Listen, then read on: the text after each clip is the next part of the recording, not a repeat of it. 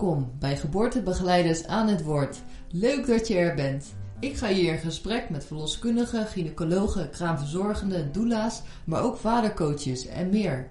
Om zo de kennis en inzichten van verschillende begeleiders rondom het geboorteproces te delen. Heb je iets aan deze gesprekken gehad? Steun dit initiatief door te delen, liken of een reactie achter te laten. Meer interviews vind je op geboortebegeleidersaanhetwoord.nl. Ik ben Sabine van Onselen, jouw host tijdens de interviews.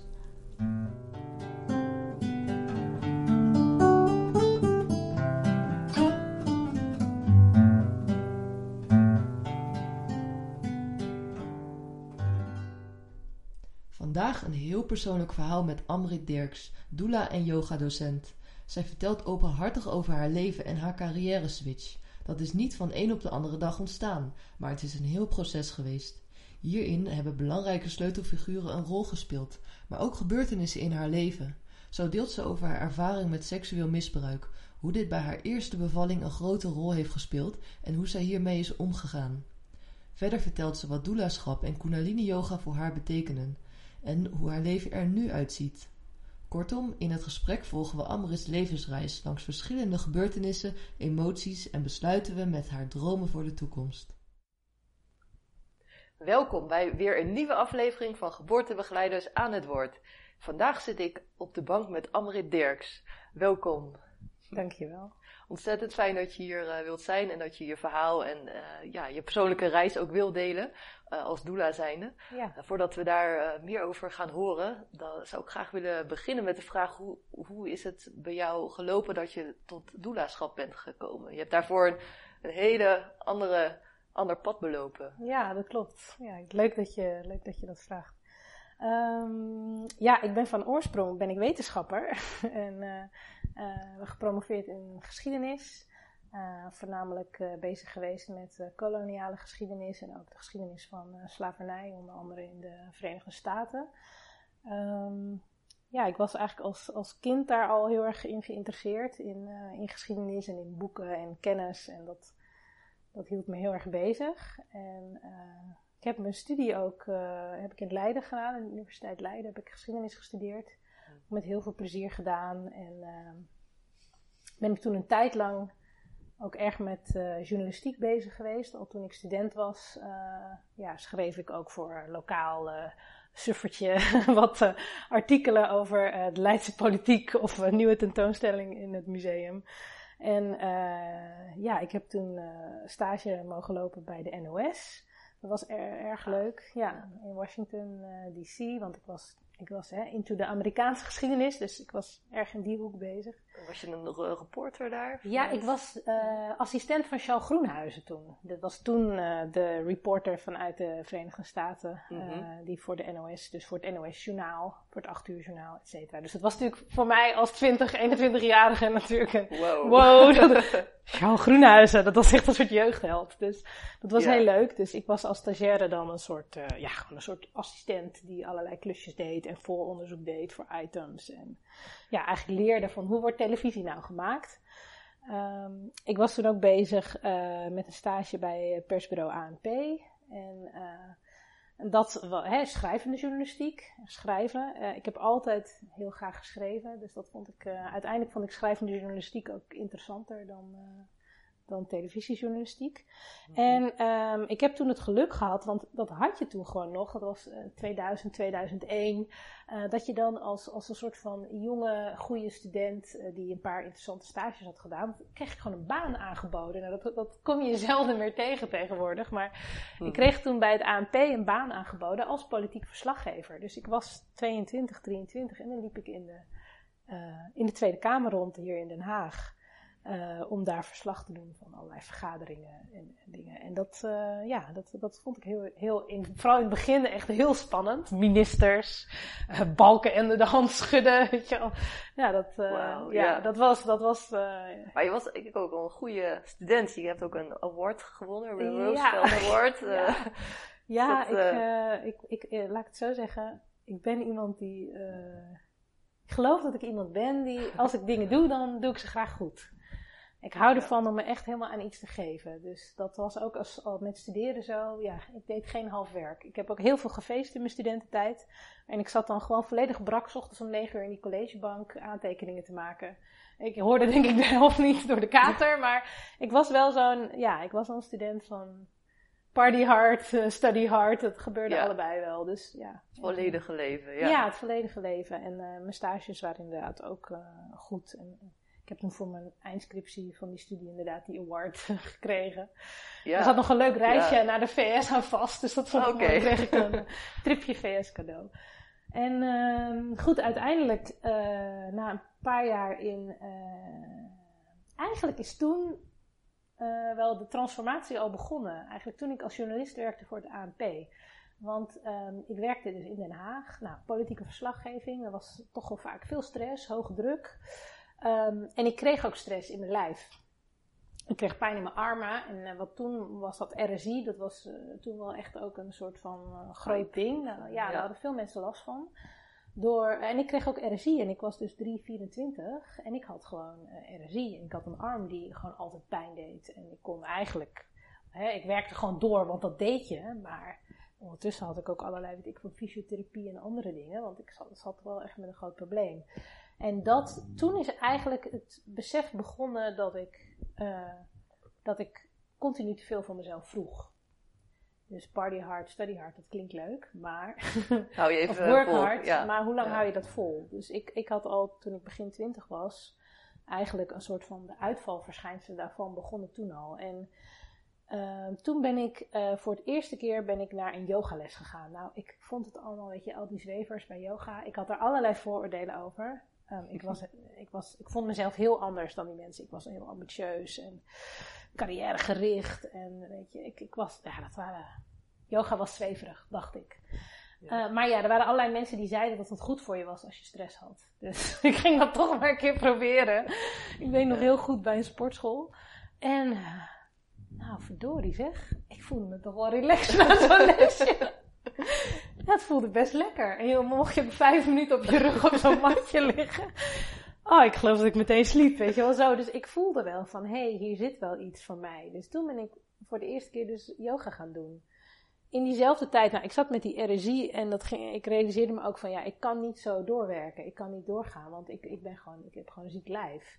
Um, en toen heb ik uiteindelijk besloten om uh, ontslag te nemen toen bij het ANP en uh, gewoon een jaar tussenuit te gaan. Dat had ik eigenlijk nooit gedaan in mijn leven. Je had allemaal mensen die ja, gingen naar middelbare school, exact. universiteit, ja. baan. Ja, die gingen dan gewoon een jaar uh, reizen of iets. Dat had ik allemaal nooit gedaan, want ik was altijd aan het werk. Ik, ik wilde presteren, ik wilde vooruit.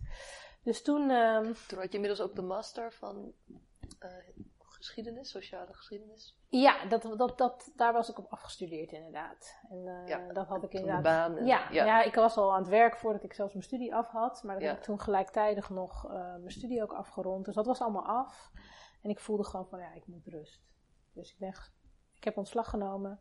En uh, ik ben in Spanje op een paardenboerderij gaan werken. Want vanuit mijn jeugd heb ik altijd paarden gehad, paard gereden. Dat was eigenlijk uh, tot, mijn, tot mijn studerende leven. Mijn grote passie was de paarden. Dus ik dacht, ik ga terug naar wat ik ken. Ik ga gewoon op zo'n boerderij staan scheppen.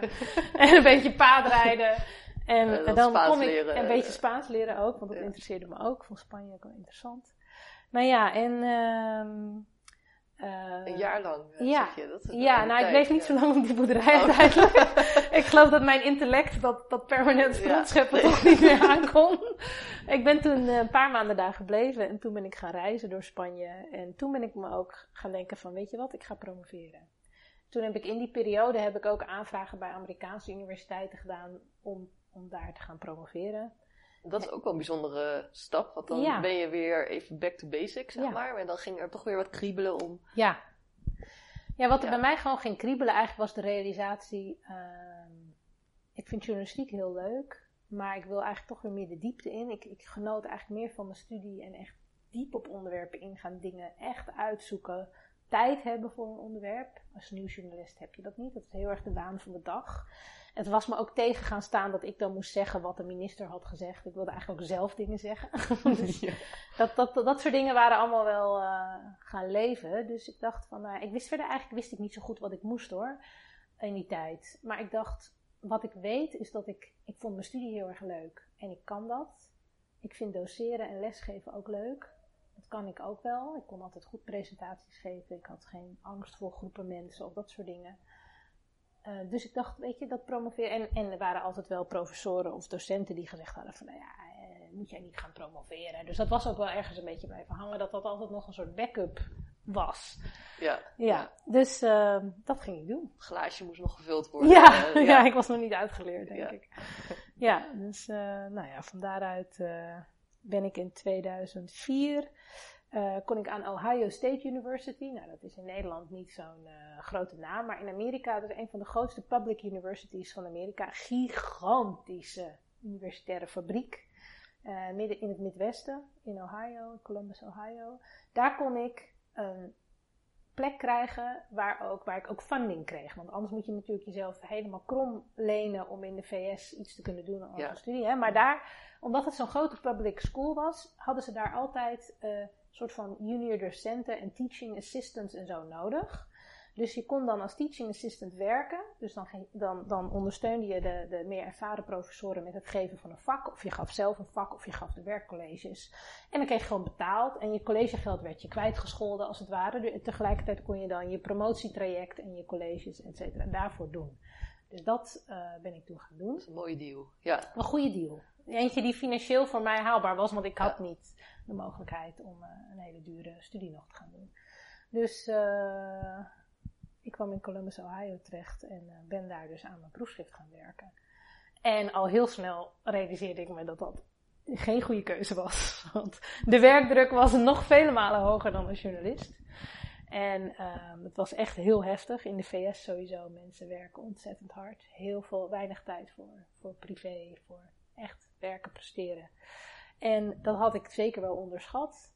En ik heb daar ben ik echt diep in de yoga ook gedoken om het überhaupt als het ware te overleven. Die hele intense universitaire omgeving, met gigantische prestatiedrang en bewijs. Ja, iedereen had daar gigantische bewijsdrang en je moest echt vechten voor de, voor de onderzoeksbeurzen en, en dan nog lesgeven en et cetera. Dus ik heb, daar, ik heb het heel zwaar gevonden daar. Dat kan, dat kan ik wel.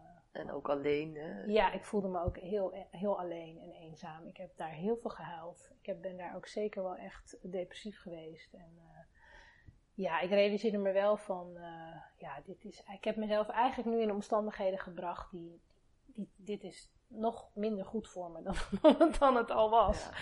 Dus dat is een hele, uh, ja, misschien is dat wel een soort, soort existentiële twintigerscrisis heb ik daar wel gehad. Ik was 26 toen ik daarheen ging. Ik heb toen me ook ingezien van, uh, ik ga wel dat proefschrift afmaken, want ik ben een afmaker. Ik maak dingen graag af. Maar als het kan wil ik terug naar Nederland. Ga ik het in Nederland afmaken. De, de werkomstandigheden in Nederland zijn veel beter. Je hoeft veel minder colleges te geven. Als je in Nederland een promotieplek kan krijgen, betaald, dan uh, ben je daar vele malen beter af qua druk en, en dan in de VS. Um, dus Hoe lang heb je daar gezeten? Dat twee jaar uiteindelijk. En ja. toen had ik dus een plek in Nederland weten te verwerven. En ik moet ja. zeggen, die plek heb ik ook absoluut weten te verwerven door de voordelen van het promoveren in de VS. Ze studeren namelijk ook een gigantisch stimulerend wetenschappelijk klimaat. Uh, ja, heel vooruitstrevend vergeleken met, ook historisch gezien, met, met, gewoon met de, de manier waarop daar geschiedenis werd bedreven. Dat, dat trok mij ook echt wel uit mijn Leidse, hè, dat was, Leiden staat wel bekend als uh, conservatief. Hmm. Nou, een soort van conservatieve manier van geschiedenisbedrijven naar een soort hele progressieve, uh, ja, postmodernistische vragen en veel meer ook andere vakgebieden toelaten in je denken. Dus dat leerde ik daar. En dat is ja. zeer de moeite waard ook geweest hoor. En uh, toen kreeg, kon ik een promotieplek, heb ik vol gesolliciteerd in Leiden. Die kreeg ik, goddank. Uh, en ik ben toen in 2006 teruggekomen naar Nederland en in Leiden verder gegaan met datzelfde promotietraject. En, uh, ja, promotietraject. De, ja. de, titel van je PhD, oh, van ja. je proefschrift. je ja, nee, zelf, ik weet het niet eens meer. Jij mag het zeggen. Oké. Okay. Voor de youth. Uh, oh, wacht. Is een moeilijke tekst, zal ik. Ja, ik echt uh, wetenschappelijk hier. For the youth, juvenile delinquency Colonial Civil Society and the Late Colonial State in the Netherlands Indies. 1872-1942, ja. ja, ja, dat is mijn, mijn de titel van mijn proefschrift. Hij is dus afgekomen, hè? Dat is gebeurd. Het staat hier op jouw papiertje. ik vergeet het soms bijna. Ja, ik ben gepromoveerd dus in koloniale geschiedenis op uh, jeugdcriminaliteit in Nederlands-Indië. Gedrag van, uh, ja, Nederlandse, Nederlands-Indische en Indonesische jongeren in de koloniale tijd. Hoe werd daar tegen aangekeken? Wat voor heropvoedingsstrategieën waren er? Uh, heropvoedingsgestichten? Ja. Nou, dat onderwerp heeft me ook zeker heel erg gegrepen hoor. Ja. En uh, dus ook in Indonesië onderzoek naar gedaan. En zo. Ja, dus eigenlijk waren er twee sporen aan de gang. Van je, zei, je gaf wel aan dat je tijdens de, de journalistiek uh, werk begon met yoga. En mhm. dat het eigenlijk alleen maar versterkt is door de druk in de VS. Ja. Uh, om dat meer te gaan beoefenen. Dat ging in Nederland door. Ja, die twee sporen gingen. Ja, die gingen gelijktijdig. Die gingen hand in hand. Want ik moest bijna wel veel yoga doen om het vol te houden uh, achter de computer, de archieven. En gewoon de stress die ik in mezelf voelde, eigenlijk uh, ja, te verminderen. Ja. En ik ben toen, in, uh, toen ik terugkwam in Nederland in Amsterdam gaan wonen in 2006. En toen kwam ik daar in aanraking met Kundalini Yoga. En dat greep echt mijn hart. Dat was echt een thuiskomen. Dat klinkt altijd een beetje cliché, maar ik zat daar in mijn allereerste Kundalini yoga les ooit. Ik had al allerlei yoga stromingen gedaan. En uh, ik, uh, ik, ik voelde daar dingen. Ik voelde mezelf daar op een manier dat ik, ja, dit... Hoe onderscheidt Kundalini zich van andere Kundalini yoga is, uh, zeggen ze wel eens, nog een heel complete vorm van yoga. Want eigenlijk, wij denken vaak yoga, dat is houdingen. Maar yoga is uh, mediteren, adem, zingen, mantras chanten, uh, nou ja, en houdingen. En ook een bepaalde filosofie en manier van denken en zijn. Een levenshouding. Yoga is de eight limbs, of yoga, de acht lichaamsdelen van yoga. Yoga heeft heel veel takken. En Kundalini Yoga heeft heel veel van die takken nog, nog behouden.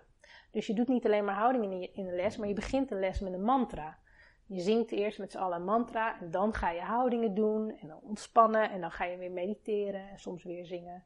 En dat, ja, dat was zo'n complete ervaring. Dat gaf me zo'n andere ervaring van mezelf, denk ik. En er kwam ook heel veel in terug wat ik mijn hele leven al fijn had gevonden. Ik heb altijd van zingen gehouden, bijvoorbeeld. Ik heb altijd graag gezongen. Uh, Nou ja, dus dat, dat kwam ook weer in de yoga tot uiting. En, dat heb je in 2006 eh, ontdekt. En ja. ja, in 2011 ben je uiteindelijk uh, ja. nou, niet afgestudeerd, heb je je PhD behaald. Ja, gepromoveerd. Gepromoveerd. Um, en toen? ja. Toen heb je het afgerond. En... Ja, toen had ik het afgerond. Toen ben ik, uh, heb ik 400 kilometer in mijn eentje door Frankrijk gewandeld. Om dat proefschrift uit mijn systeem te krijgen. toen ben ik een stuk van de Camino, de Franse Camino uh, Santiago. Dus de Chemin Saint-Jacques ben ik gaan lopen door Frankrijk. Inmiddels was ik ook al yogadocent geworden. Dus in 2007 was ik een ook een, opleiding tot Kundalini yoga docent gaan doen. En uh, ik gaf ook al tijdens dat, het afmaken van mijn proefschriften al één of twee yogalessen in de week. Dus eigenlijk was mijn leven gewoon ja, studeren, promoveren, lesgeven en, en uh, yogales geven. En um, toen ik promoveerde ja, dan, gaat eigenlijk een stap aan vooraf. Dat promoveren bracht niet eens zozeer de verandering. In die zin, het is heerlijk om klaar te zijn, dat wel. Ik hou van dingen afmaken. Het gevoel, de last die er van je schouders valt op het moment dat je klaar bent. Check. Fantastisch, ja. Wat een ruimte geeft dat weer. Maar eigenlijk was er in 2010 iets gebeurd wat voor dit gesprek denk ik relevant is. En dat is dat uh, een vriendin, ik, ik gaf zwangerschapsyoga ook. En een vriendin had mij gevraagd van, ja, wil jij niet bij mijn bevalling er zijn? Want mijn eerste bevalling was zo traumatisch. Ehm, ik had eigenlijk ook bij haar eerste bevalling zullen zijn. Ik woonde toen in Amerika. Maar in de periode dat ik in Nederland was en zij eigenlijk, we dachten dat zij zou bevallen, beviel zij niet. Ze beviel veel later. En ik was dus niet bij haar eerste bevalling. Die was heel traumatisch voor haar geweest. En voor haar partner ook, voor haar man. En zij vroegen mij dus eigenlijk van, wil je ons steunen? Want we zien er zo verschrikkelijk tegen op, die tweede bevalling. En uh, nou, dat wilde ik wel, want het zijn mijn beste, een van mijn beste vrienden, dus sowieso wil ik ze steunen met wat ze ook nodig hebben. Maar ik was ook al heel erg bezig met zwangerschap en ik vond dat allemaal heel mooi. En um, toen heb ik ze dus, inderdaad, ben ik bij die bevalling geweest en uh, heb ik ze daar ja, gesteund en geprobeerd om eigenlijk ja, te doen wat ik nu professioneel doe. Maar eigenlijk, ik was een doula. Ik wist alleen niet dat ik een doula was. Maar ik wist... Ik kwam erachter omdat ik het voor ze deed. En op een gegeven moment uh, iemand van het ziekenhuispersoneel tegen mij uh, zei, tegen een collega... Nee, je hoeft je over deze mensen niet druk te maken hoor, die hebben een doula. Het gaat heel goed allemaal. En mijn, en mijn vriendin en ik keken elkaar een beetje aan van, oh ja, een bad. Uh, en later liep ik daar ook over de gang of zo in dat ziekenhuis en zei iemand tegen mij, Goh, heeft elke doula zo'n doek op haar hoofd tegenwoordig? zei, doek? Oh ja, mijn tulband. Ja, mijn tulband. Ik zei, nee, dat komt om, dat draag ik gewoon als yogadocent en omdat ik het fijn vind. Oh ja, ja. Nou ja, dus zo kwam eigenlijk het begrip doula bij mij binnen. En ik vond het uh, zo fantastisch om bij die bevalling te ondersteunen. Dat was werkelijk echt een van de allermooiste dingen in mijn leven om mee te maken op dat moment. Ik vond het zo en een kind geboren zien worden. En nou ja, het was, ik vond het magisch. Ik heb toen zelfs nog studies verloskunde opgezocht. Van, zal ik alsnog verloskunde? Ik dacht, nee, ik heb bijna een proefschrift af. Ik ga niet nu alsnog verloskunde studeren. dus nee, ik ging geen verloskunde studeren. Maar ik heb wel toen ook doula-opleidingen opgezocht en gekeken en wat dingen gelezen en wat boeken gehaald. En me gerealiseerd van, ja, dus daar is, hier is iets voor mij. Dit is, ja, hier, hier moet ik iets mee. Alleen niet op dat moment, want ik zat in het afronden van mijn proefschrift. en dat moest gewoon af. Dus dat heb ik toen eerst gedaan. En, en nog uh, even over die ervaring. Wat, wat, was het mooiste in die ervaring? Of het bijzonderste? Of wat raakte je het meeste, zeg maar? Ah, tjoh, dat vind ik wel een moeilijke vraag. Het is lang geleden, voor mij. Of in het algemeen misschien. Ja, nou, de, de ik denk wat het me echt het meeste raakt nog steeds is de totale, de echtheid van het leven. De, de, de puurheid van alles gestript van uh, sociale conventies. Uh, gewoon puur, dit is waar het leven om draait. Je wordt geboren en je gaat dood. Ik ben in mijn leven ook een keer bij iemand geweest die, die stierf. Ik was aanwezig bij dat sterfbed. Dat heb ik ook als een hele diepe uh, natuurlijk intens verdrietige, maar ook prachtige ervaring eigenlijk beleefd. Um, om er voor iemand te kunnen zijn op dat moment, het moment dat je het leven verlaat, om dan ja, er te kunnen zijn werkelijk voor die ander. Dat heeft me toen heel erg geraakt. En eigenlijk raakt in het doula-werk me datzelfde stuk van dit is, en weet je, een kind komt voor het eerst op aarde, de eerste ademhaling komt uit die veilige baarmoeder. Um, en uh, wat een vrouw daar ook voor doorstaat en, en geeft. En hoe een vrouw haar lichaam ja, helemaal ten dienste stelt van dat nieuwe leven. Um, dat raakt me, dat blijft me raken. Dat vind ik zoiets moois. En natuurlijk ook die vreugde van die ontmoeting of de verwondering van de ontmoeting met, met je kind. Dat, dat, dat zijn unieke momenten in een mensenleven. Voor zowel ouders als kind. En dat ik daarbij mag zijn, überhaupt al. Dat ik er überhaupt al het is eigenlijk voor mij, het is heilig. Ik, zal, ik noem het, het is heilig. Zo'n dus moment, ja. Het is een heilig moment, absoluut. En het is ook een heilige rite op een bepaalde manier. Als een vrouw baart, dan gaat ze werkelijk van meisje naar vrouw. Van, hè, ze wordt zelf moeder. Uh, zeker voor in een eerste bevalling. Dat is een gigantische rite passage, een gigantische overgangs ja, reis. Niet voor niets dat mijn praktijk de geboortereis heet. Het is een, een reis die je maakt. En um, dat, dat, dat vind ik een eer dat ik daar onderdeel van mag zijn of bij mag ondersteunen. Dat, dat vind ik echt heel eervol. Dus ja. dat ja, ja. ja. gaat door alles heen ja. Uh, in feite. Ja. ja, dat raakt me echt diep. Dus dat, dat voor mij is dat het is echt op je pad gekomen in dat opzicht. Ja. ja, dat denk ik. En in dat opzicht is het ook heel direct verbonden, denk ik, voor mij met mijn werk als yogadocent en mijn kennis vanuit yoga en meditatie. En dat is dat ik het, ja, ik ervaar dat werkelijk uh, op, uh, ja, hoe je dat ook noemt, zielsniveau of het diepste wezen van jezelf en de ander, het meest echte stukje van jezelf en een ander, dat niveau. Ja. He, Los van, en dat heeft niks met religie of iets te maken, of, maar dat, dat is voor mij spiritualiteit, echt die echtheid. Ja, alle sociale maskers vallen af ja. en alles komt naar boven zoals het naar boven moet komen. Absoluut, dat is echt puur en rauw en mooi en, en soms verschrikkelijk. Ik bedoel, en, en alles kom je daarin tegen. Angsten, vreugde, openbaringen, alles zit erin. Verdriet, liefde. Ja, want je met zelf heb je, ben je moeder van twee kinderen. Ja. Dus heb je zo dat ook mogen ervaren. Was dat ook voor jou een, een hele reis op zich? Ja, absoluut. Ja, vooral mijn eerste bevalling, mijn eerste baring was echt. ik was toen, dus ik was zwanger, ik werd zwanger eind 2013. Dus ik had toen al, uh, ik had die bevalling van mijn vriendin ondersteund. Ik gaf al een tijd zwangerschapsyoga en ik had natuurlijk veel gelezen. En, uh, dus ik had, ik had wel zelf al wel door van, ja, ik wil bijvoorbeeld een holistische verloskundige of een, wat nu, wat nu ook vaak een caseload verloskundige heeft, maar iemand die één op één werkt. Ik wil echt een band met de vroedvrouw die mij begeleidt in dat proces. Uh, ik wil weten wie, wie er is voor mij. Dus ik maakte toen ook al wel hele bewuste keuzes van, uh, ja, hoe ga ik om, ook tijdens mijn zwangerschap.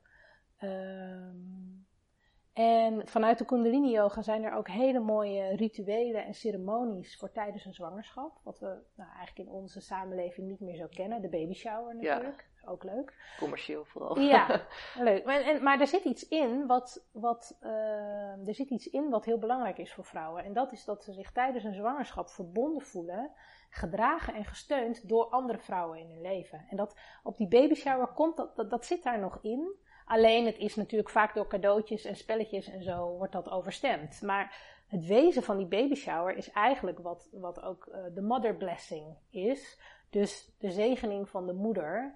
De, het, het, het, het steun uiten van vrouw tot vrouw. Van ik ben er voor jou, ik snap welke moeilijke of, of, of uitdagende ja, reis jij gaat maken, wat je moet doorstaan. En ik, ik, uh, I've got your back. Dat is eigenlijk wat voor mijn gevoel vrouwen echt ja, willen horen, nodig hebben, willen voelen. Dat ze niet alleen zijn. Ook een prachtig boek uh, laatst gelezen, The Red Tent. Die ken je misschien ook wel. Dat komt daar ook, ja, uh, komt daar ook in voor. Enorm mooi van Anita Diamond. Ja, een van mijn favoriete boeken van lang geleden. Okay. Grappig dat jij hem net gelezen hebt. Ja. ik herinner me hem nog, want het heeft ook veel indruk op mij gemaakt. Ja ja, 15 jaar terug of zo. Ja, inderdaad. Dus, dus, dus, voor jou was die eerste bevalling, uh, wat je ja, zegt, ook die eerste zwangerschap en bevalling was, uh, was voor mij ook wel echt een, een, een, een realisatieproces van mezelf. Uh, ook een spiritueel proces, maar ook echt een ja, vrouw worden. Werkelijk vrouw worden, denk ik. En wat voor mij bijzonder was aan die eerste bevalling, is dat ik, ik heb, heb een bevalling van vier dagen gehad. Vier dagen thuis. En uh, ontsluiting. Heel moeizaam. Heel moeizaam. Echt heel langzaam.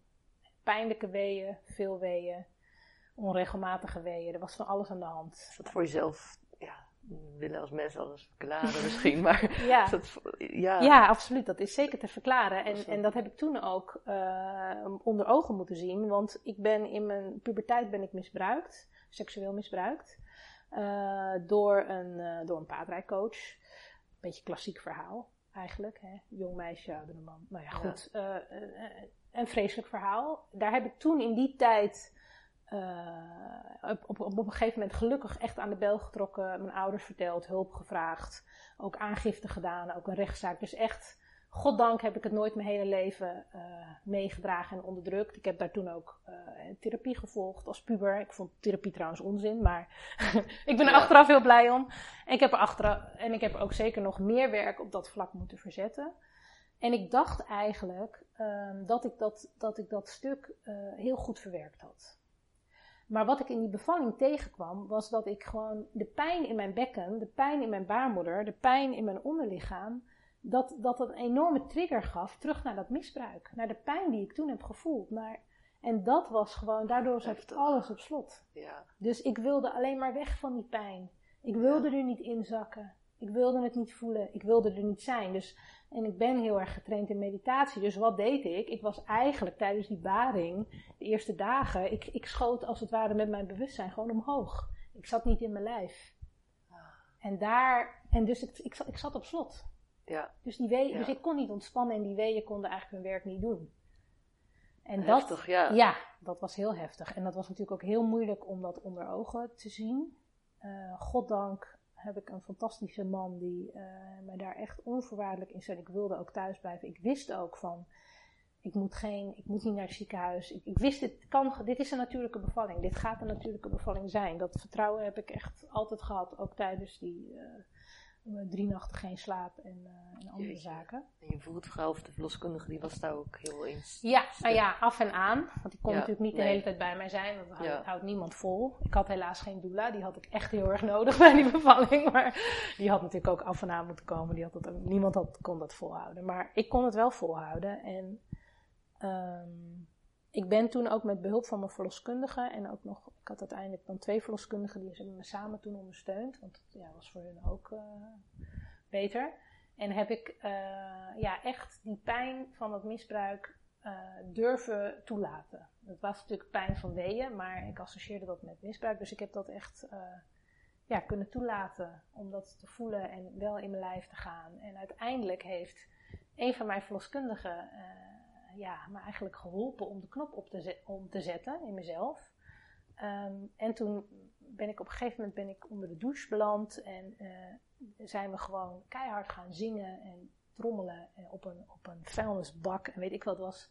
En dat, ik ben gewoon gaan dansen. Ik ben gewoon ik ben in mijn lijf gegaan. Ik hou van dansen. En ik ben, ja, toen kon ik er doorheen komen. En toen ben ik heel snel bevallen. En uh, gewoon natuurlijk bevallen. Ja, en, ja. dat is echt dan ook een heel helingsproces. Uh. My goodness, ja. Ik vond de persfase fantastisch. Ik was ja. zo high, want ik had natuurlijk wel heel wat pijnstillende stoffen aangemaakt in mijn lijf in vier dagen. Daar had, dat was het voordeel. Ik had heel veel hormonen opgebouwd.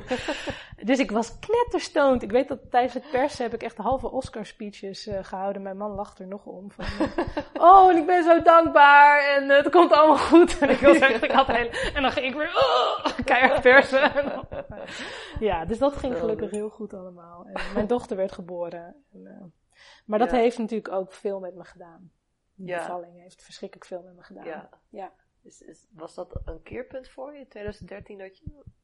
Ja, 2014 is zij geboren. Ja, absoluut. Ik durf wel te zeggen dat het moederschap en de, ja. Ja, de baring en dat dat weer een keerpunt is geweest. Ja, ja. dat is echt... Uh, weer een fundamentele verandering uh, in jezelf voor mij. Dat ook het moederschap en gewoon de, ja, de liefde, de drang om bij mijn dochter te zijn. Uh, en toen ging het ook echt wringen met mijn academische werk.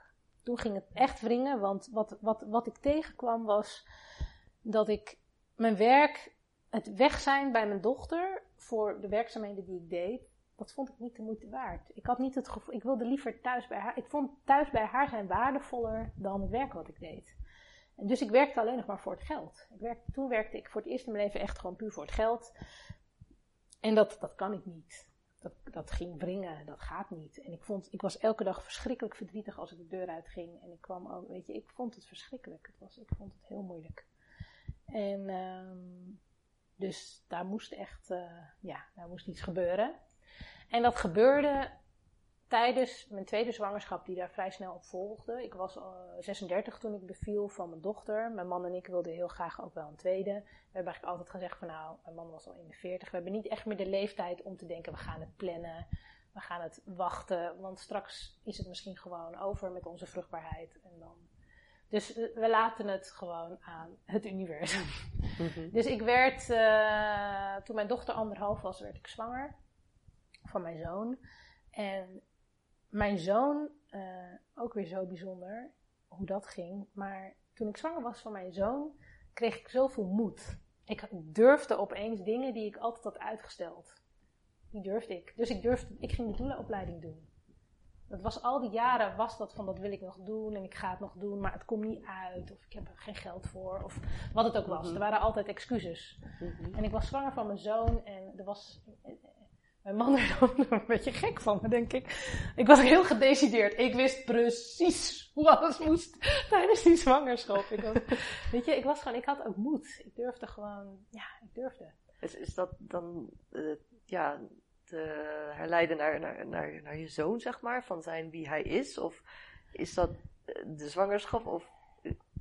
Ja, voor mij, laat ik zo zeggen, voor mij, hoe ik het voel, en uh, ik weet niet, het is, helemaal niet, het is allemaal niet rationeel. Maar hoe ik dat voel is dat elk kind heeft gewoon zijn of haar eigen kwaliteit. En eigen kwaliteiten. En als je zwanger bent, dan kun je soms die kwaliteiten al voelen. En daar kun je ook zelf iets van leren of meemaken. Als degene die dat kind draagt. Dus ja, ik ervaar dat zeg maar, de zwangerschap van mijn zoon ja, ik voelde zijn, zijn, zijn rust en zijn moed. En ik denk ook dat dat zijn kwaliteiten zijn. Waar ik even door gevoed mocht worden. Door zijn, zijn aanwezigheid in mij gaf mij ook meer van die kwaliteiten. Zo voelt dat voor mij. Ja. Het is eigenlijk zo geleidelijk gegaan, die carrière switch dan. Hè? Dat is wel een aantal belangrijke eikpunten. En ontzettend dapper dat je ook zo dit wil delen en zo open daarover wilt zijn. Uh, de, het misbruik en je verhaal. En, uh, ja. Dus, uh, ja. een heel ander gesprek en dat is hartstikke mooi dat we hier, ja, dat, dat dit nu naar boven maar ja, ik vertel het natuurlijk ook niet voor niets in die zin ten eerste, ik schaam me niet meer voor wat er is gebeurd. Ik, ik, ik kan daar gewoon, weet je, dat is een onderdeel van mijn leven. Mhm. Het gebeurt ontzettend veel vrouwen. Als je nu kijkt, hè, op Facebook is en Instagram is een hele campagne gaande met ja. MeToo en ik ook. En als je ziet dat je hele tijdlijn daarmee vol staat, dan realiseer je dat gewoon seksueel trauma, dat, dat, dat speelt bij zoveel mensen. En ook bij zoveel vrouwen die zwanger zijn en gaan baren. Dat ik ook echt ja, zelf voel van, dat, dat daar meer bewustzijn in mag komen bij vrouwen en ook meer steun voor vrouwen die dat hebben ervaren en die uh, gaan bevallen. Dat is denk ik uh, ja, ja. Dat is iets wat ik belangrijk vind. Ja, dus, en hoe geef jij die steun?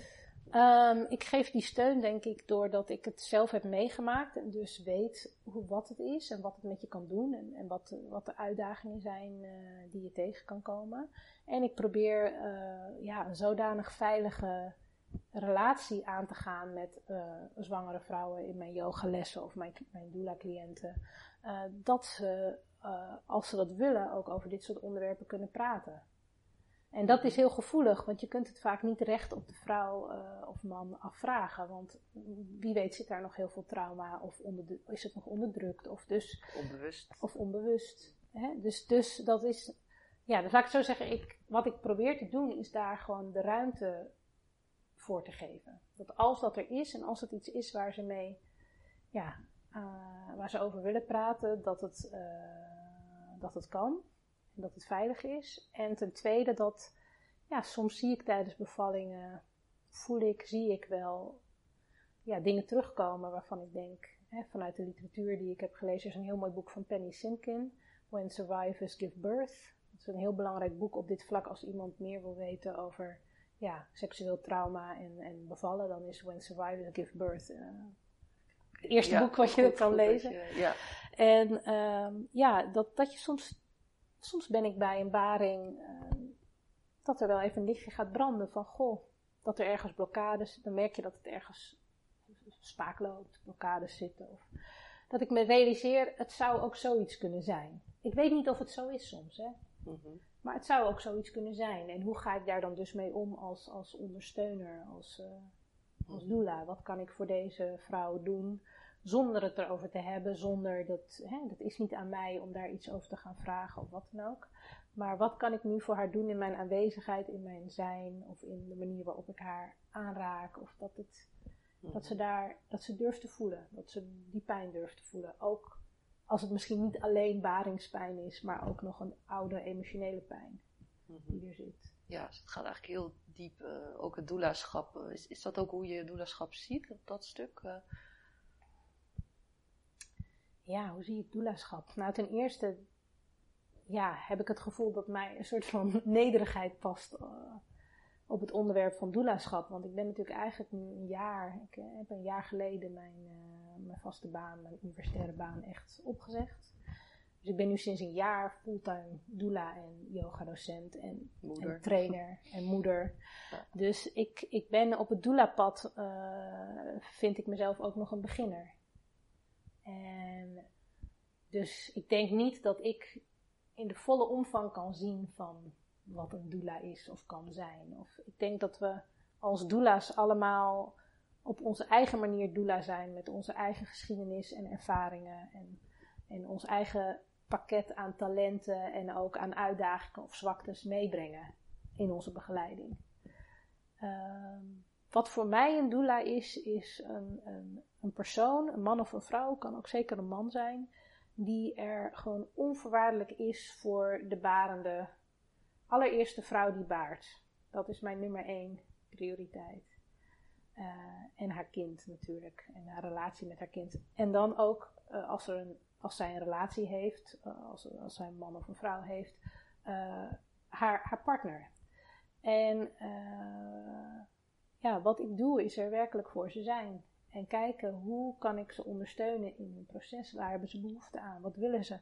Uh, en dat kan alles zijn. Ik ondersteun barenden die graag uh, met een, uh, in het ziekenhuis met een ruggenprik willen bevallen. En, en ik ondersteun barenden die het liefst ja, thuis ongestoord met alleen een verloskundige en een bevalbad willen bevallen. Ik, ik, ik ondersteun vrouwen die um, heel graag vaginaal willen baren na een keizersnede. Ik ondersteun vrouwen die nog misschien wel liever een keizersnede willen en dat nog niet zeker weten. Ik, dus het, is, mhm. het maakt voor mij niet uit wat zij wil.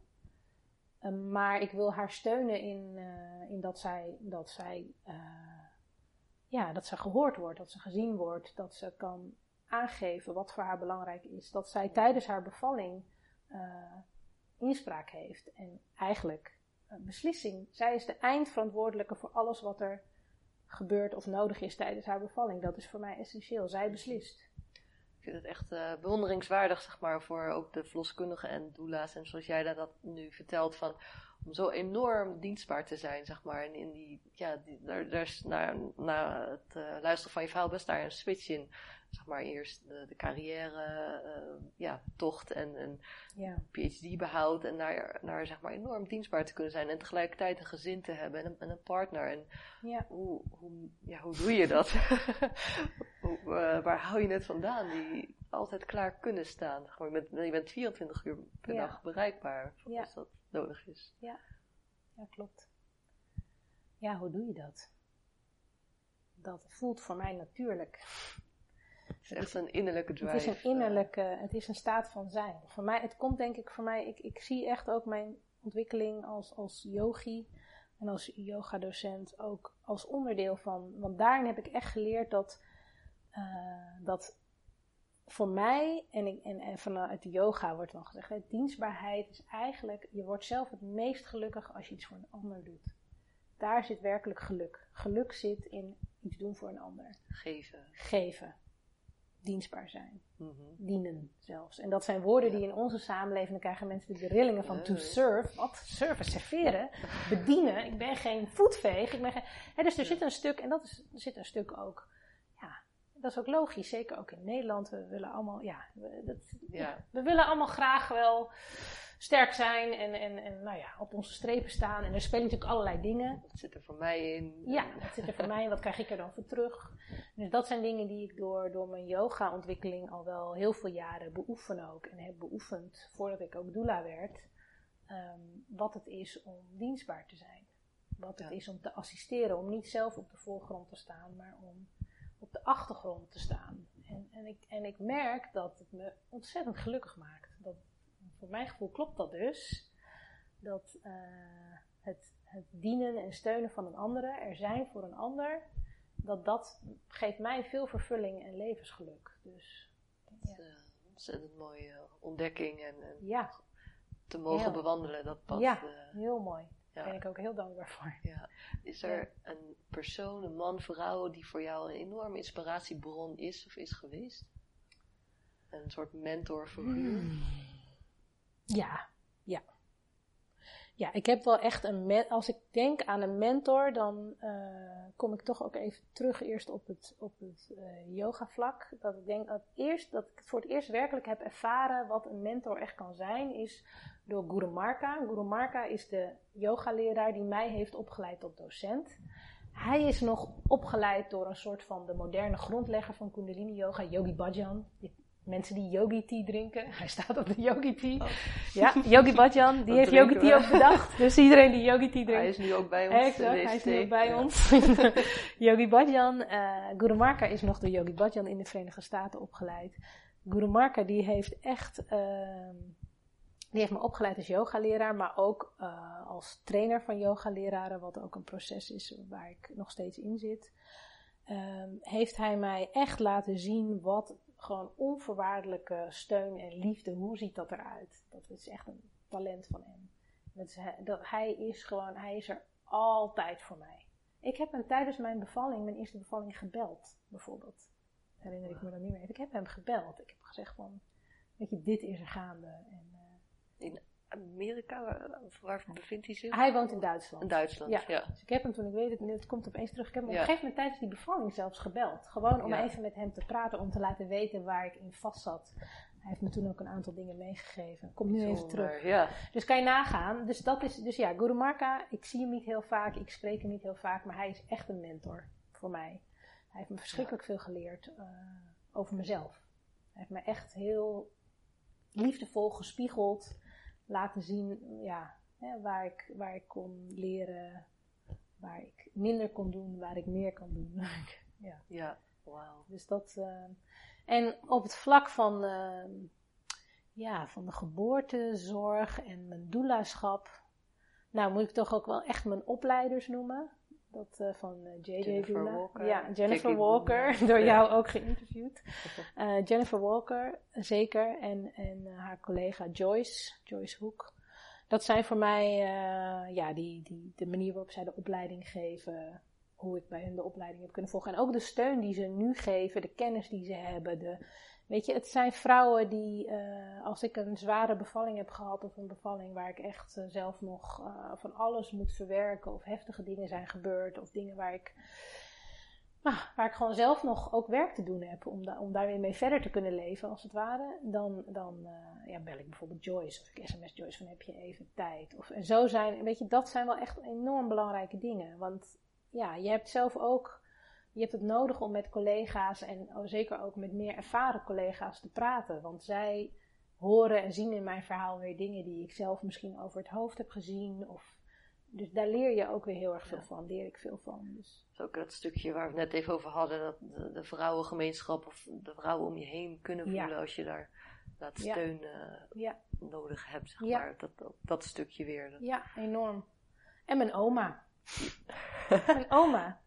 Ja. ik heb een hele bijzondere oma. Ze is overleden vorig jaar. Um, ik heb gewoon, dat, zij is voor mij echt een vrouwelijk rolmodel geweest in mijn leven. Nog steeds. Gewoon als vrouw, als, als persoonlijkheid. Als, zij is echt een, een, een, een, zij vormt ook voor mij de band met Nederlands-Indië. Zij is daar opgegroeid in de koloniale tijd nog. Dus daar zit ook een stuk van mijn eigen verleden en familiegeschiedenis weer in mijn, in mijn historische werk.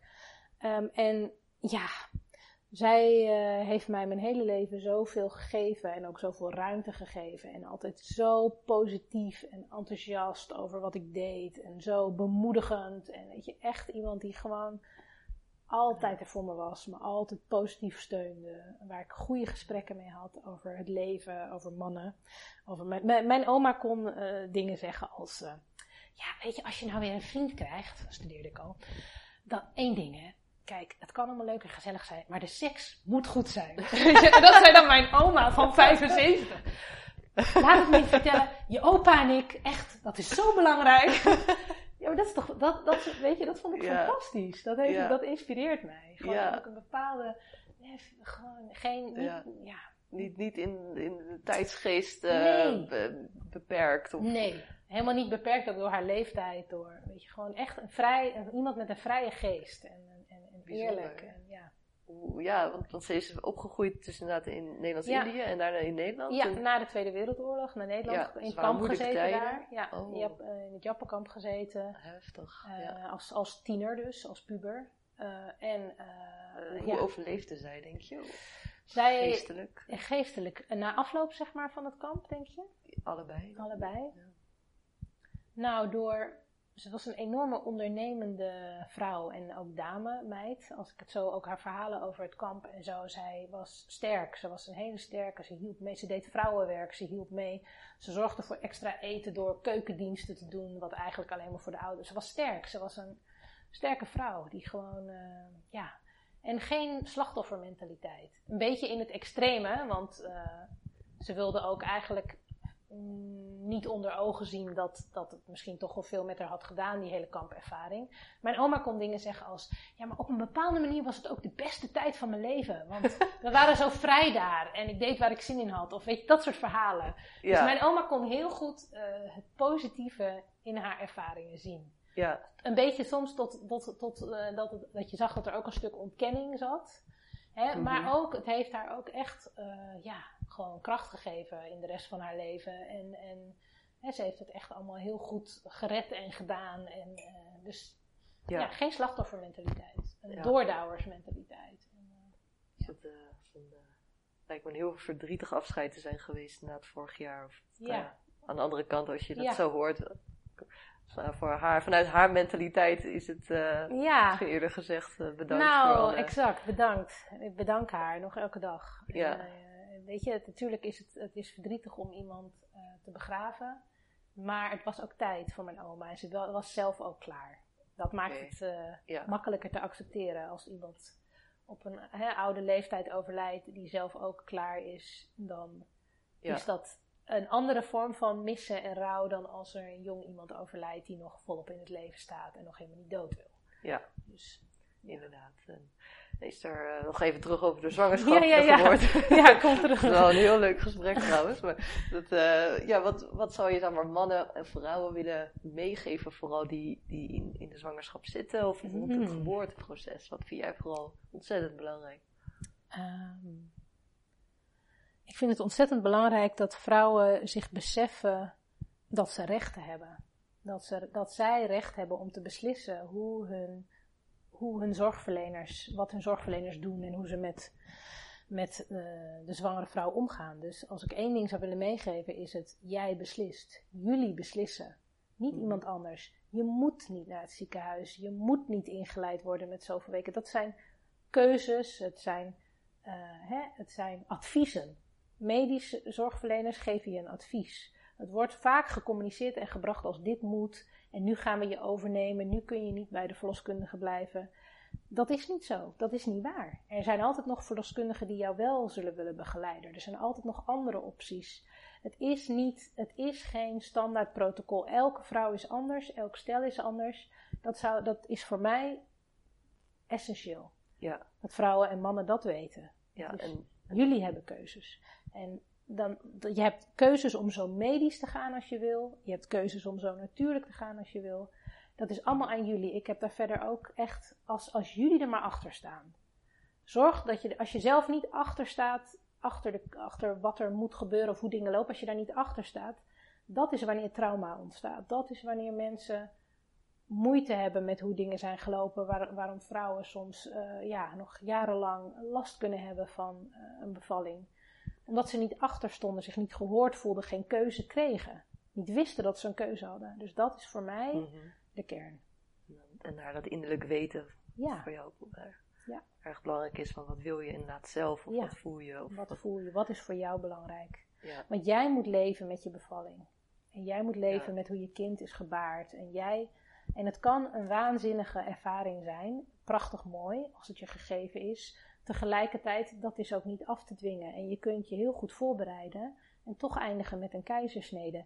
En dus er zit ook een stuk in van veerkrachtigheid. Van dat, dat je een, een keizersnede betekent niet dat je geen mooie baring hebt gehad. Een keizersnede betekent niet dat er iets mis is. Soms is een keizersnede gewoon dat heeft zo moeten lopen, dat kon niet anders. En dan is er, hè, dan is er natuurlijk, kan je dat weer verwerken, et cetera. Dus je kan, je kan vrouwen hebben met een prachtige natuurlijke bevalling die daar een trauma aan overhouden door hoe dingen zijn gecommuniceerd of gegaan of doordat ze de pijn als gruwelijk hebben ervaren. En er zijn vrouwen die een hele medische bevalling gehad hebben die daar helemaal geen moeite mee hebben, die zich daar goed over voelen. Dus het is, eh, er zijn geen makkelijke antwoorden. There are no easy answers. Het, is, het moet echt je eigen proces zijn. Mm Nou, heel belangrijk, ja. En dat uh, is eigenlijk ook de volgende vraag van de postpartum ondersteuning. Uh, komt daar ook in voor. Dat is niet zo bekend nog in Nederland. Ja, klopt. Ja, nou ja, dat is uh, ja, leuk dat je dat vraagt. Um, ja, postpartum ondersteuning, wat je ziet is eigenlijk dat de, veel zwangeren zich tegenwoordig echt goed voorbereiden op de bevalling. Dat is bij veel mensen toch, zijn toch wel bewust van nou, het is wel handig om daar je op voor te bereiden, wel of niet met een doula of een cursus, maar in elk geval, hè, dat is een groot moment. Maar veel mensen vergeten wat daarna komt. Nee, dat vergeet je natuurlijk niet. Maar je weet het ook niet. Zeker niet als je voor het eerst een kind krijgt. Je hebt geen idee. Je hebt geen idee. Je, hebt, je kan niet kijken voorbij die bevalling. Je, je ziet het niet. Mhm. Ehm, en wat daarin gebeurt, uh, wat ik vaak zie gebeuren en hoor gebeuren, is dat vrouwen eigenlijk, uh, nou je hebt dan nog de acht dagen kraamzorg. Goddank hebben we dat in Nederland. Echt heel uniek. Ja. Uniek en fantastisch. En het moet zo blijven en al die dingen. Kraam, kraamverpleegkundigen zijn allemaal helden. En, en, en ik ben uh, heel blij dat ze er zijn. En ik denk de meeste vrouwen met mij. Um, dus dat, dan gaat het nog wel, die eerste acht dagen. Dan heb je die steun en die zorg thuis. En nou ja, je leert hoe, je, hè, hoe kan je met je kind, nou, hoe gaat het allemaal als je dat voor het eerst moet leren. Um, maar bijvoorbeeld, sommige mensen hebben dan al die eerste acht dagen heel veel bezoek. En komen daardoor eigenlijk niet toe aan het rustig opbouwen van de borstvoeding. Of daar de tijd voor nemen. Of slapen dan al te weinig. Want eigenlijk, als je kijkt naar de oude kennis over herstel, postpartum herstel, ja, slaap als de baby slaapt. Dus als de baby overdag slaapt, kraamvrouw ook slapen. Want s'nachts ben je ook wakker. Je houdt het niet vol. Een week hou je het wel vol op adrenaline en liefde en al die dingen. En dan is er allemaal bezoek, maar je slaapt niet en je bent eigenlijk... En dan gaat die kraamzorg weg en op een gegeven moment is er ook geen bezoek meer. En dan zit je daar uitgeput. Ja, zeg maar fysiek, geestelijk. Ja, uh... ja. en dat is natuurlijk niet voor elke vrouw zo. Hè. Er zijn mhm. vrouwen die herstellen supersnel en die hop, die gaan... Dus... Mhm dat, ik zeg niet dat elke vrouw uh, daar uh, mee kampt, maar veel vrouwen ook wel. En er zijn veel, ja, en veel van ons moeten na drie maanden weer gaan werken. Hoe doe je dat als je eigenlijk in die drie maanden te weinig tijd en rust hebt gehad om werkelijk te herstellen? Um, dus wat het Postnatal Support Netwerk doet, dat is een internationale stichting en daar ben ik uh, een van de trainers uh, van en ook een van de regio-coördinatoren in Nederland voor de regio Leiden, zo Leiden Den Haag. Um, wat we doen is eigenlijk bewustzijn verspreiden bij vrouwen, kennis verspreiden van goh, weet je, in heel veel culturen in de wereld, nog steeds nu, in het nu, maar ook vroeger, uh, wordt eigenlijk ervan uitgegaan dat een kraamvrouw 40 dagen, 6 weken nodig heeft om te herstellen. Niet 8 dagen, 6 weken. En in die 6 weken uh, gebeurt er nog zoveel in je lichaam, fysiek ben je nog zo aan het ontzwangeren. De borstvoeding wordt afgestemd op je kind. Je leert je kind voor het eerst kennen. Dat eigenlijk zou je die periode zo min mogelijk moeten doen in huis. Je moet eigenlijk verdien je het om verzorgd te worden. Mensen zouden jou moeten verzorgen. Zodat jij je kind kan verzorgen. En dat noemen we mothering the mother. Dus moederen van de moeder. De moeder, als de moeder gemoederd wordt, kan zij de moeder zijn voor haar kind. Ook een soort inwijding van moederschap. Ja, en ook die energie aanvullen. Want zij geeft zoveel aan haar kind op alle lagen. Dat als, dat als zij niet, en daar hoort, horen dingen bij, dus als bijvoorbeeld dat iemand anders voor je kookt of mensen maaltijden kan brengen. Dus dingen die we doen is bijvoorbeeld mensen bewust maken van het idee: hey, vraag geen kraamcadeautje, vraag een maaltijd. Als mensen langskomen, zeg je mag langskomen, maar alleen als je een maaltijd meeneemt. Of als je deze boodschappen voor me kan meenemen.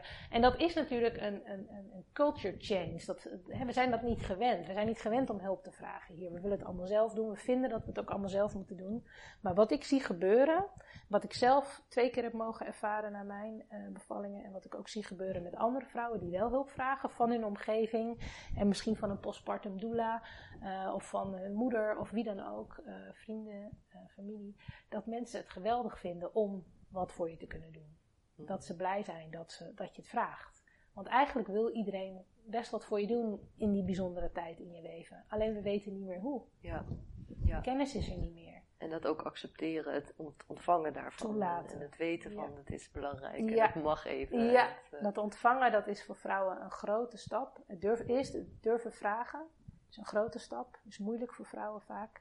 En ten tweede het dan werkelijk toelaten en ontvangen Hè, dat, dat andere mensen er voor jou zijn, iets voor je doen. Dat je niet meteen wat terug hoeft te doen. Dat, je, ja, dat zijn mooie processen. Ja, dus daar zijn we mee bezig. Waar kunnen mensen daar meer over lezen? Uh, op uh, de website van het postnatalsupportnetwerk.com, als ik het goed heb. .com of .org. Ik denk .com. Postnatalsupportnetwerk.com. En uh, op de Facebookpagina's die we in Nederland hebben, die beginnen allemaal met Mothering the Mother. En dan per regio.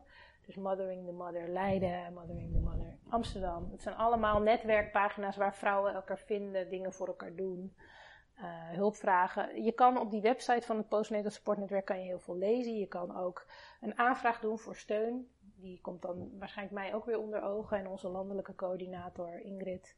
onze landelijke coördinator. En, en we geven dus opleidingen. En die opleidingen die zijn drie dagen. Er is er een in november weer. Drie dagen. En iedereen kan daaraan meedoen. Dat gaat over postpartum ondersteuning. Hoe, en we noemen het een postpartum doula opleiding. Maar hij is werkelijk open voor iedereen. Ook voor je moeder, uh, je broer. Als die mensen jou willen ondersteunen, meer willen leren, kunnen ze dat doen. Ontzettend mooie beweging. En ja. ook alleen al bewustzijn van dat dat er is. Van, ja, als je een vriendin hebt of ja. iemand anders. Exact. Dat je dit kan geven. Exact. Maak een maaltijd voor haar. Ja. Of geef er, wat ik nu ook wel doe aan mensen die verder weg wonen, is dan geef ik ze bijvoorbeeld een Deliveroo of een, uh, een uh, thuisbezorgd cadeaubon cadeau. Dat ze uh, bijvoorbeeld eten oh, kunnen ja. bestellen. Of dat Heel soort, slim, ja. ja. Of gewoon kleine, of geef, geef ze een schoonmaakster cadeau voor drie of vier uur. Of, weet Oh, je, ja. het zijn gekke dingen, je denkt er niet aan, maar echt, een, een, heel veel moeders die zijn zo blij. Oh mijn god, is iemand mijn huis komen schoonmaken? Goddank, weet je wel. Ja, bijzonder. Ja, Mooi. dus zo creatief. Gaaf. Ja, Ja. nou, dat, eh, ja. hartstikke gaaf. Ik wil de laatste vraag nog stellen. Ik Ja. denk dat eh, Ja. hier wel iets eh, bij je terugkomt. ja. Wat is je droom of visie voor de komende vijf jaar wat je nog wil verwezenlijken? Oh ja, jongen. Je bent een ambitieuze vrouw. Ja, ik ben een ambitieuze vrouw. Ja, vanuit liefde ambitieus. Ja, ja, ja. Ehm, ik ben bezig eh, met een zakenpartner om in Leiden een, eh, ja, eigenlijk een concept voor ouders en kinderen op te richten. Eh, waar ouders en kinderen terecht kunnen. Een, een speelcafé, een winkel met allerlei interessante kinderproducten. Met draagdoeken natuurlijk. Mijn grote liefde ook voor draagdoeken. Eh, maar ook eh, een plek waar ze informatie kunnen vinden over bijvoorbeeld doula's, over eh, cursussen, over wat dan ook. Waar een studio is waar yogalessen zijn en peuterdans. En dus eigenlijk is dat wel mijn vijfjarenvisie. Mooi, is om ja. dat centrum te realiseren. En, en daar dan ook mijn doula-praktijk daarin te vestigen. Daar mijn yogalessen te geven. Daar als doula ook zichtbaar te zijn en beschikbaar te zijn. En mensen, eh, en weet ik veel, een wekelijkse meet the doula ochtend. Waar je lekker koffie kan drinken. En misschien verschillende doula's uit de regio kan ontmoeten. Dus ja, Ja. dat is mijn, eh mijn vijfjarenvisie. Na, na dit verhaal te horen gaat dat er zeker komen. Fantastisch. Amrit, ontzettend bedankt. Het was een ja, ontzettend mooi, waardevol eh, interview met van verschillende kanten het weten te belichten. En eh, ja, bedankt voor je persoonlijke bijdrage en openheid hierin. Dankjewel. Ik vond het heel erg leuk. Dankjewel Sabine.